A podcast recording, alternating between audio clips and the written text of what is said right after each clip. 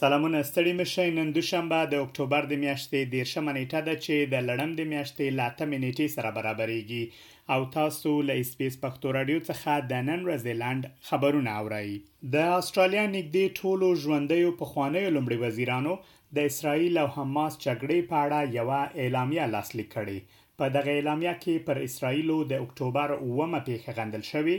او د یرغمل شویو کسانو د بې شرطه خوشې کېدو غوښتنه شوې ده همدارس د فلسطینیانو لپاره د دوامداره بشري لاسرسي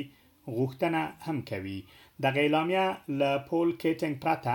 د جان هاورډ، کیون راډ، جولیا ګیلارډ، ټوني ایبټ، مالکم ټرنبل او سکاټ موریسن له خوا لاسلیک شوې ده. بیانیه کې همدارز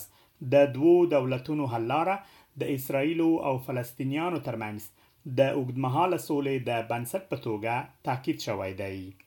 ټاکل شوې د ملګرو ملتونو د امنیت شورا نن په نیویارک کې غونډه وکړي ترڅو د غزې په تړانګه کې د اسرائیل او حماس وسله والې ډلې ترمنځ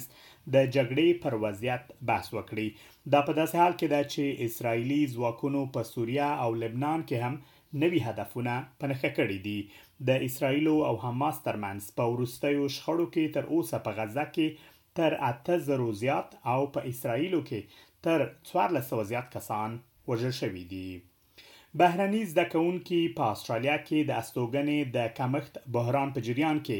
له استحصال او کرایې درغلۍ سره مخ دي. د پروپ ټریک نوی راپور ښيي چې کرایه کوونکي د نفوس د ګړندۍ ودې ترڅنګ په مارکېټ کې د کرایي کورونو له کمښت سره مخ دي راپورونه ښيي چې په مارکېټ کې د اعلان شویو کرایي کورونو په شمېر کې د تېر کال له سپټمبر میاشتې راهیسې پنځه اعشاریه اووه سلنه کموالی راغلی دی. د پاکستان حکومت له خوا په چمن سپین بولدک لاره باندې د تګ راتګ لپاره پاسپورټ او ویزې لازمي ګرځول شوي دي. د دغې پرېکړې په غبرګون کې زرګونه کسان په چمن ښارګوټي کې په پرلت ناست دي او له حکومت څخه د پرېکړې د بدلون غوښتنه لري. پرلت کوونکي وايي، دغه کار به په سیمه کې خلک بې روزګاره کړي. ټاکل شوې تر څو نن شپه د افغانستان او سریلانکا ترمنځ د هند په پونې ښار کې د کرکټ یو ورځنۍ لوبه ترسره شي. تر دې دمه د دواړو هېوادونو ترمنځ د کرکټ یوولس لوبې ترسره شوي او سریلانکا اووه لوبې ګټلې دي. افغانستان په روان نړیوال جام کې له انګلستان او پاکستان څخه لوبې ګټلې دي او تمه لري تر څو نن شپه هم دغه لوبه وګټي.